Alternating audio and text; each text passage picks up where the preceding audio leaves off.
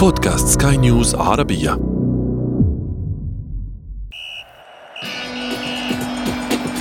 أثير الكرة.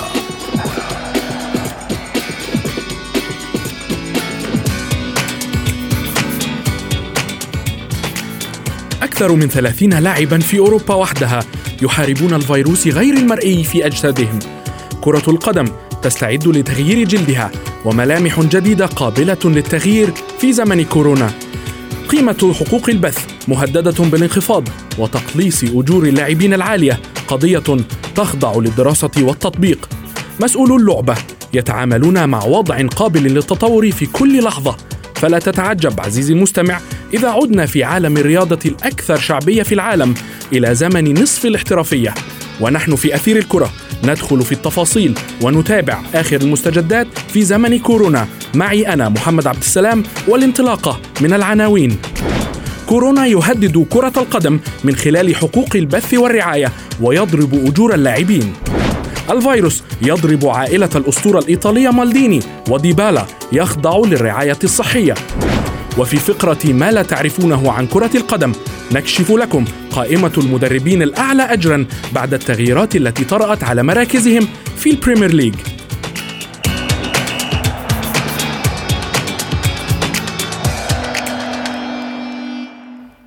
أهلا ومرحبا بكم أينما كنتم مستمعين الكرام في لقاء اليوم من أثير الكرة.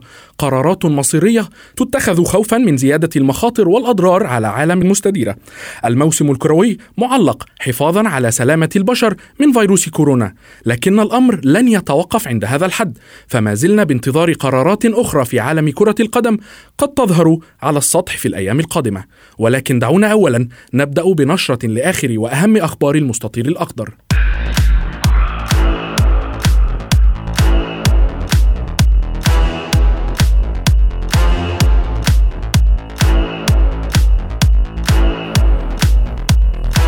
أعلن نادي شاندونغ الصيني إصابة لاعبه البلجيكي مروان فيلايني البالغ من العمر 32 عاما بفيروس كورونا. وبات فيلايني المنضم للفريق الصيني في فبراير الماضي قادما من مانشستر يونايتد الإنجليزي أول لاعب في الدوري الصيني يصاب بالفيروس ما يهدد فرص انطلاق الدوري في إبريل المقبل. دعا لاعب مانشستر يونايتد السابق وديربي كاونتي الحالي المهاجم الإنجليزي واين روني مسؤولو البريمير ليج ضمان حصول ليفربول على لقب الموسم الحالي. وأكد روني أن ليفربول يستحق التتويج بلقب الدوري هذا الم... هذا الموسم. مضيفا أن الريدز قدموا اداء رائعا هذا الموسم ويستحقون اللقب خصوصا بعد انتظار دام 30 عاما وأن القرار العادل يضمن إنهاء الدو... يضمن إنهاء الموسم الحالي لو كان على حساب الموسم الماضي. واصل لاعبو بايرن ميونخ الألماني. برنامج التمرين عن بعد التي وضعها النادي. في ظل القيود المفروضة للحد من تفشي فيروس كورونا. مؤكدين أنها تشبه الحصص التدريبية الاعتيادية. وقال المهاجم توماس مولر أن الفريق خاض حتى الآن ثلاث حصص تدريبية عن بعد بإشراف مدرب يتواصل معهم من مقر النادي. وتخضع هذه الحصص التدريبية الافتراضية لنفس الانضباط مقارنة بالتدريبات الاعتيادية. كما تم تجهيز لاعبي الفريق بساعات ذكية تنقل البيانات الطبية للجهاز الفني, للجهاز الفني.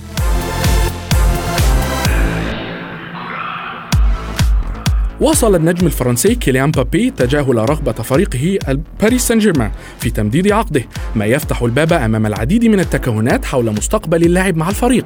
وبحسب تقارير فرنسية فإن مبابي لا يبدو في عجالة حول ملف تمديد عقده الذي ينتهي صيف العام 2022 وذكرت التقارير أن النادي الباريسي قد يفكر في بيع اللاعب للاستفادة منه مادياً.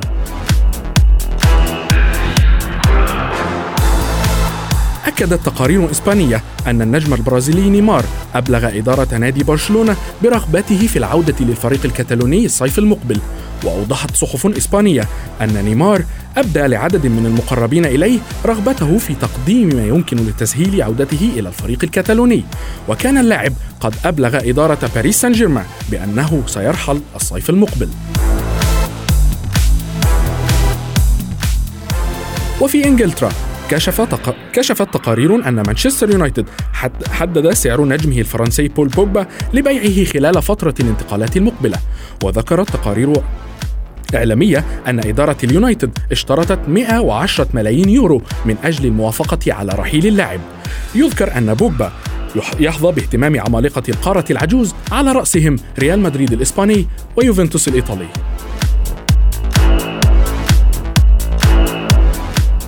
وأخيرا بدأ مسؤولو نادي ليفربول مفاوضات تمديد عقد نجمي الفريق الهولندي فيرجيل فان دايك والبرازيلي أليسون بيكر. صحف بريطانية أكدت أن إدارة ليفربول ترغب في إنهاء الاتفاق قبل عودة المنافسات. وعرض ليفربول راتبا أسبوعيا يصل إلى 90 ألف جنيه استرليني على فان دايك للاحتفاظ به لما بعد 2023 أما الحارس البرازيلي أليسون بيكر فتم عرض العديد من الحوافز والمكافآت الإضافية للإبقاء عليه لأطول فترة ممكنة.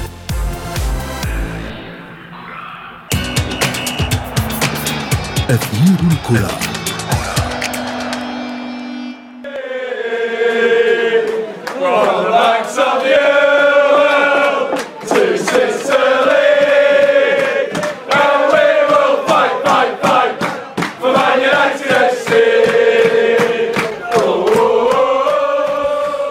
يضرب من جديد ولكن هذه المرة هدفه كان اقتصاد الأندية والدوريات الكبرى في العالم عامة وفي أوروبا خاصة ما أدى إلى أن العديد من الأندية بدأت بالفعل في مناقشة لاعبيها في إمكانية تخفيض مرتباتهم خلال الفترة الحالية حتى انتهاء أزمة وباء كورونا. فعلى سبيل المثال اجتمعت أندية الدوري الإنجليزي الممتاز عبر الهاتف ويبدو أنهم توصلوا إلى اتفاق بشأن خفض رواتب لاعبي البريمير ليج جميعا خلال الشهر القادم. وأوضحت تسريبات لوسائل إعلام إنجليزية أن الأندية اتفقت على توحيد رواتب لاعبي الدوري بمبلغ محدد. لمزيد من النقاش ينضم إلينا من بيروت الإعلام الرياضي بلال فواز. يعطيك العافية محمد. يعطيك العافية بلال. بلال يبدو أن تبعات فيروس كورونا في العالم قد بدأت في البزوغ خاصة في عالم كرة القدم. ولا نعلم متى ستنتهي. هناك أزمة اقتصادية طالت الدوريات الكبرى وخاصة في القارة العجوز ما أثر على الأندية. هل ترى أنه من الممكن أن يكون هناك مخرج من هذا المأزق بالنسبة للأندية تحديدا بلال؟ لا شك محمد أنه ما قبل كورونا ليس كما بعد هذا هذا واضح وظاهر للعيان. ليس فقط على الناحية بالناحية الرياضية حتى على مستوى الاقتصاد العالمي وكل الأمور بتشير إلى ذلك. الأزمات منا بالرياضة. لم نعرف نحن الرياضة بحاجة لضخ مالي كبير إذا ما أردت أن تكون منافس أو تحديدا البطولات الاحترافية الكبيرة. عم بلشت أنت بالدوري الإنجليزي الممتاز تصور محمد إنه إذا تم إلغاء هذا الموسم ممكن كثير نتيجة الخسارة تكون لكل الأندية نتيجة البث المباشر وغيره حوالي 762 مليون جنيه استرليني. هذا رقم ضخم. لذلك آه، سارعت جميع روابط الأندية وجميع جميع إدارات الأندية إلى البحث آه، آه، لبحث أو سبيل إنقاذي على سبيل المثال إذا فينا نقول لحتى يخرجوا من هذه الأزمة. شبح إلغاء المواسم بأوروبا كلها واضح لأنه عم نشوف كان هناك تأجيل تأجيل المباريات إلى 2 نيسان بعدها إلى آخر شهر نيسان. وهناك حديث أيضا اليوم من رئيس اللجنة الطبية بالفيفا بيقول إنه في حال تم الوصول لحل موضوع أزمة كورونا لن يستطيعوا أن يلعبوا مباشرة انتقد كثير آه، رؤساء أندية انتقد كثير دوريات آه، اللي عم بيسارعوا لتكملة الموسم حتى ما يخسروا مبالغ كبيرة هذه كل كل هذا الحجم وكل هذه الأمور بتوصلك لمطرح إنه فعلا كل آه، رؤساء الأندية ومالكي الأندية والروابط عم. عم يحاولوا يتفقوا ليوصلوا لمطرح انت ذكرت إنه رابط الدوري الإنجليزي آه، آه، اتفقوا مع الأندية تحديد مبلغ معين. عم نشوف إدارات الأندية هناك حديث على إن المبلغ قد حدد بالفعل ب 6000 جنيه استرليني. مظبوط. بالفعل. 100% هذه هذا هذا على الصعيد على الصعيد الآخر تحرك إدارات الأندية للاتفاق مع لاعبينا لتخفيض لتخفيض آه، آه، تخفيض عقودهم. آه، سمعنا اليوم وقرينا أنه إدارة نادي برشلونة توصلت بالاتفاق مع اللاعبين الأربعة الكبار إذا فينا نسميهم ببرشلونة لتخفيض حوالي 30% من رواتبهم. كل الكل عم بيصير على نفس المنوال. اذا الأزمة كبيرة والكل وواضح وظاهر إنه الكل عم بيحاول يتعاون لحتى يوصلوا لأفضل طريقة ممكنة. وسنرى إذا ما إذا ما ما اتخذ هذا القرار سنرى إنه المسبحة ستكون على كامل الأندية بتخفيض رواتب وأجور لجميع اللاعبين. وأكيد حيكون هناك تعاون ما بين اللاعبين والإدارات لأنه هن شايفين أيضا شو عم بيصير عندهم على الصعيد الأوروبي تحديدا. كنت معنا بلال فواز الإعلامي الرياضي من بيروت. شكرا جزيلا لك.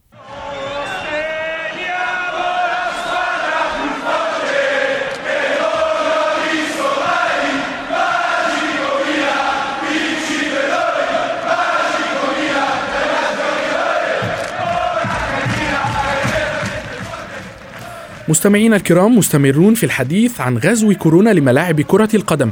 ولكن بتوجهنا إلى إيطاليا سنجد الوضع أكثر سوءا. فهناك أكثر من 30 لاعبا في الكالتشيو. أعلن رسميا إصابتهم بالفيروس. آخرهم كان النجم النادي يوفنتوس الأرجنتيني باولو ديبالا والأسطورة الإيطالية ونجم نادي ميلان السابق باولو مالديني ونجله دانيال. وضع جعل محبي سيريا آ ينتظرون قرار إلغاء البطولة بين الحين والآخر ولا يستبعدون ذلك للحديث أكثر بشأن آخر التطورات التي يمر بها الدوري الإيطالي ولاعبيه بعد السرعة التي انتشر بها الفيروس ينضم إلينا من دبي الصحفي الرياضي منير رحومة مرحبا سيد منير مساء الخير أخوي محمد ومساء الخير لكل السادة مستمعي سكاي نيوز عربية. أستاذ منير إيطاليا أصبحت أكثر الدول في العالم تضررا من فيروس كورونا. هل تتوقع يعني أن يظل قرار الاتحاد الإيطالي لكرة القدم بشأن إيقاف البطولة المحلية حتى الثالث من إبريل فقط أم سيكون هناك قرارات جديدة في الأيام المقبلة؟ آه نعم آه، أخوي محمد يعني مثل ما ذكرت إن يعني الأزمة اليوم كبيرة وكبيرة جدا في إيطاليا نتكلم عن كارثة حقيقية يعني تحل بهذا البلد فالأمور أعتقد يعني إنها تجاوزت الجانب الرياضي إلى الجانب الأمني الذي يهم البلد بصفة عامة.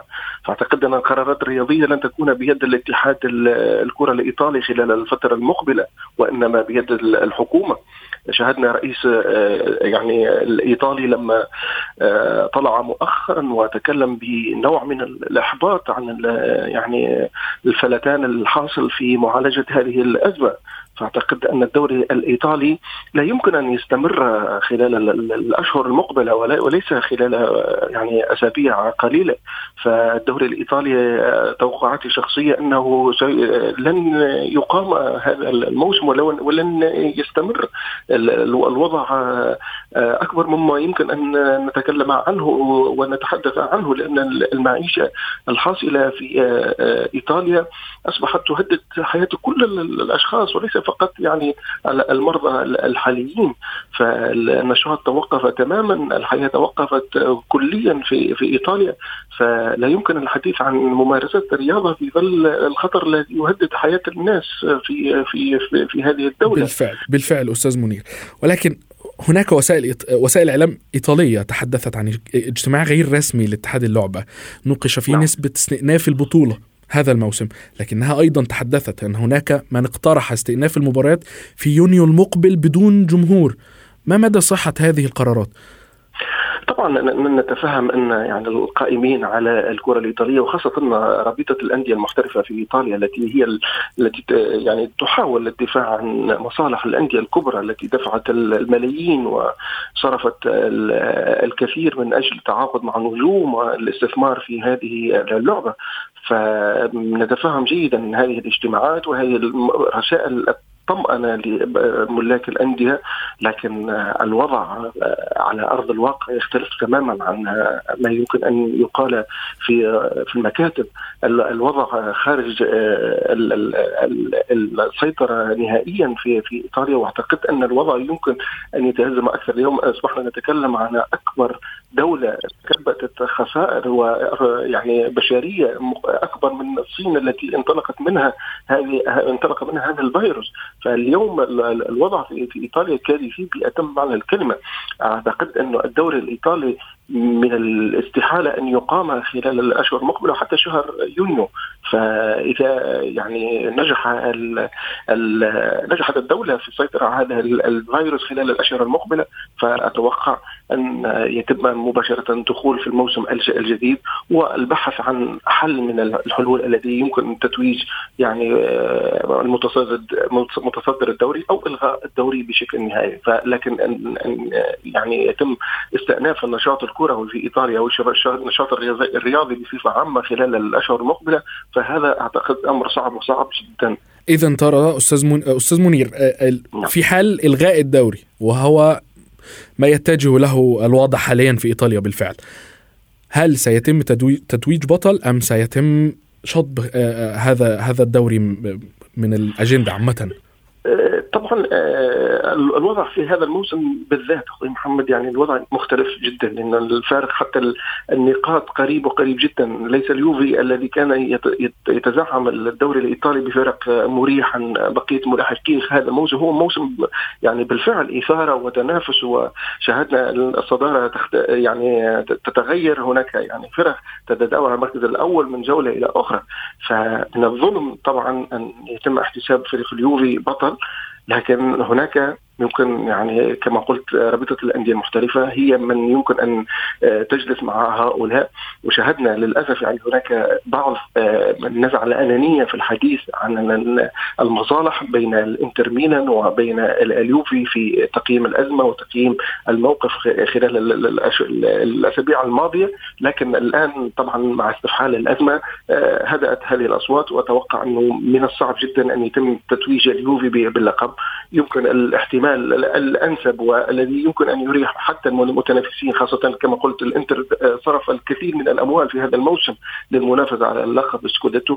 فأعتقد يمكن آه، يعني احتساب هذا الموسم موسم أبيض يعني ولا يوجد متوج بالتأكيد أستاذ منير كل يبحث عن مصلحته ولكن نعم. آه، منذ قليل كنا نتحدث عن التأثر اقتصادات القارة العجوز وخاصة الدوريات الخمس الكبرى في القارة والأندية نعم. الكبرى آه، آه، إذا ما تحدثنا عن أزمة تخفيض مرتبات اللاعبين هل حتى الآن لم يتحدث أي نادي في إيطاليا عن عن مسألة تخفيض رواتب اللاعبين. ولكن في ظل إلغاء الدوري آه، هل يتم تخفيض رواتب لاعبي آه، آه، أندية الدوري الإيطالي؟ الإيطالي. طبعا محمد هنا نتكلم في في أكثر من جانب. الجانب الأول أنه شاهدنا اللاعبين في حد ذاتهم يعني أظهروا بوادر حسن نية وبوادر إيجابية لتفهم الوضع وللتأقلم مع يحصل من هذه الأزمة. وحتى يعني بعض النجوم بدأوا يتبرعون بمبالغ مالية مهمة لمساعدة الدول التي هم ينشطون يعني داخلها لمجابهة هذا الفيروس وهذه الأزمة العالمية الصحية. لكن طبعا أنا اعتقادي يعني أنه تخفيض الرواتب يمكن أن يكون هذا الموسم فقط إلى نهاية هذا الموسم، لكن أن يعني يتم تخفيض الرواتب لمواسم مقبلة مثلا الموسم المقبل فهذا أمر مستبعد. يعني يمكن أغلب اللاعبين الكبار يمكن أن يتنازلوا على بعض يعني النسب في الرواتب وتخفيضها آه، تفهما لوضع الأندية المالية في هذه الفترة بالذات وهذا الموسم. اذا أستاذ منير فهو هو تخفيض للرواتب وليس تعديل للعقود. آه، الصحفي. الرياضي منير حومة كنت معنا من دبي. شكرا جزيلا لك.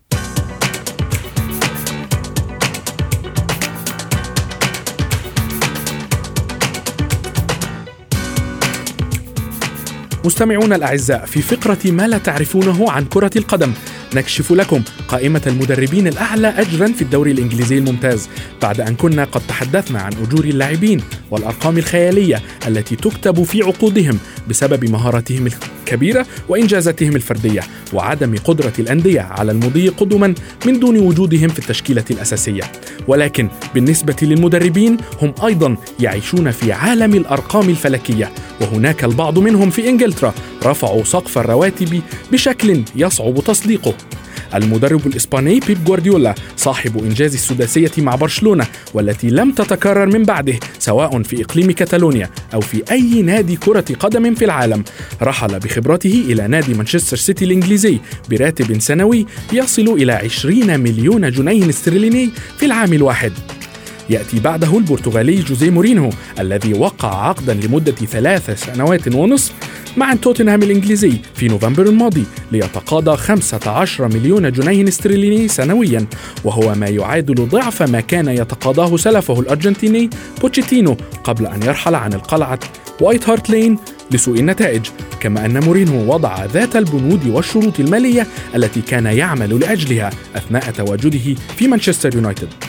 أما يورجن كلوب الألماني المحنك وأفضل مدرب لعام 2019 فقد وصل راتبه السنوي إلى 7 ملايين ونصف المليون جنيه استرليني أي ما يعادل نصف راتب مورينهو لكنه يساوي راتب النرويجي أولي جونار سولشاير مدرب المان يونايتد. كل هذه الأرقام تم تسريبها في الصحف البريطانية وتثير دائما علامات استفهام حول قائمة ترتيب هؤلاء المدربين وهو وما هي البنود التي تدخل في تحديد راتب المدير الفني؟ ويبدو أن ويبدو أن الإنجازات لها الدور الأكبر في تحليق المدرب بعيدا خارج السرب في هذه القائمة.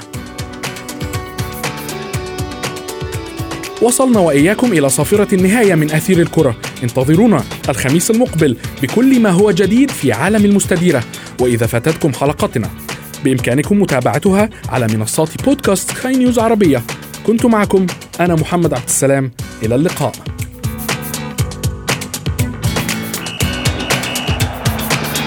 أثير الكرة.